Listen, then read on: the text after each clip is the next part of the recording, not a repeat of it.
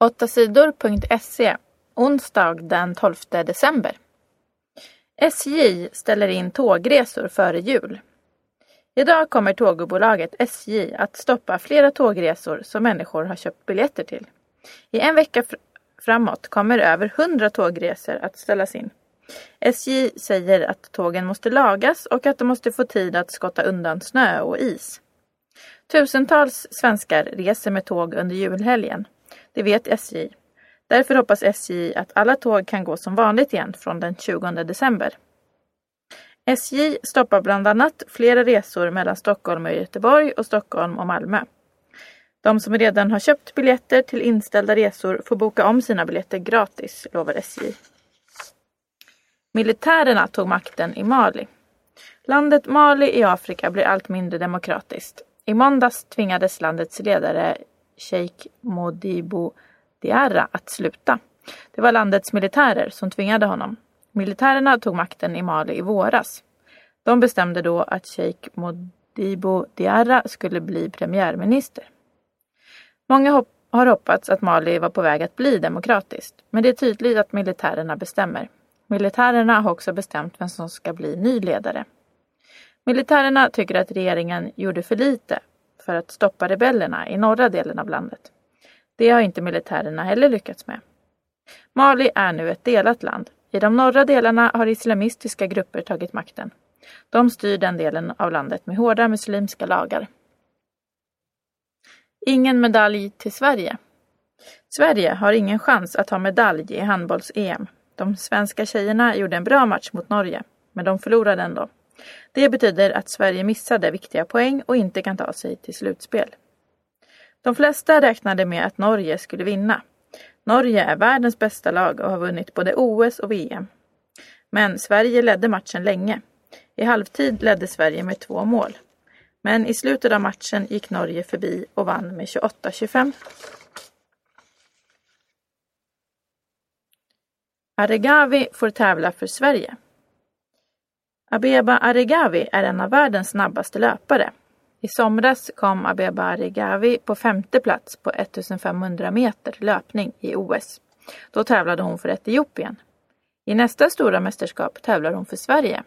Abeba Aregawi har bott i Sverige sedan 2009 och är svensk medborgare. Internationella friidrottsförbundet säger nu att hon får tävla för Sverige. Troligen är hon med i EM i Göteborg i sommar.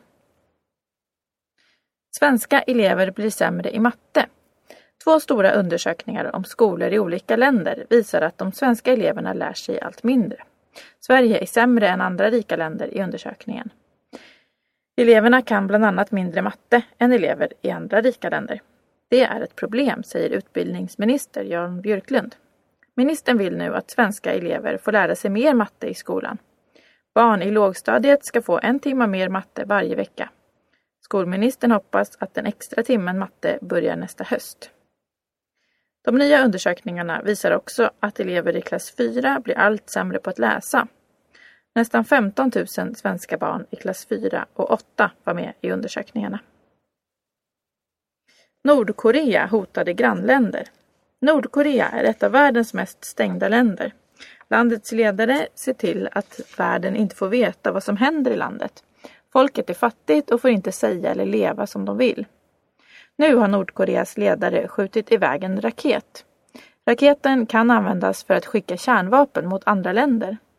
Grannländerna är oroliga för vad Nordkorea ska använda sina vapen till i framtiden.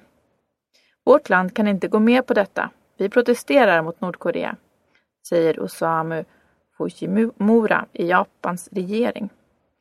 Också Kina, Ryssland, USA och FNs ledare Ban Ki-Moon protesterar mot Nordkoreas vapen.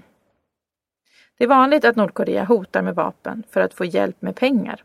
De flesta länder i världen vägrar att samarbeta med Nordkorea. Chefer på Telia misstänkta för mutbrott. Två chefer på Telia är misstänkta för att ha betalat mutor till landet Uzbekistans ledare. Det säger tv-programmet Uppdrag granskning. Telia ska ha betalat för att få jobbet att bygga upp ett nät för mobiltelefoner i Uzbekistan. Jobbet var värt flera miljarder kronor. Telia vill inte säga något om misstankarna. Zlatan i form. Zlatan Ibrahimovic är i stor form. I matchen mot Val Valenciennes i franska ligan gjorde Zlatan tre mål. Hans lag Paris SG vann matchen med 4-0. Zlatan har nu spelat 14 matcher i ligan för Paris SG. I dem har han gjort 17 mål. Han leder skytteligan med 7 mål.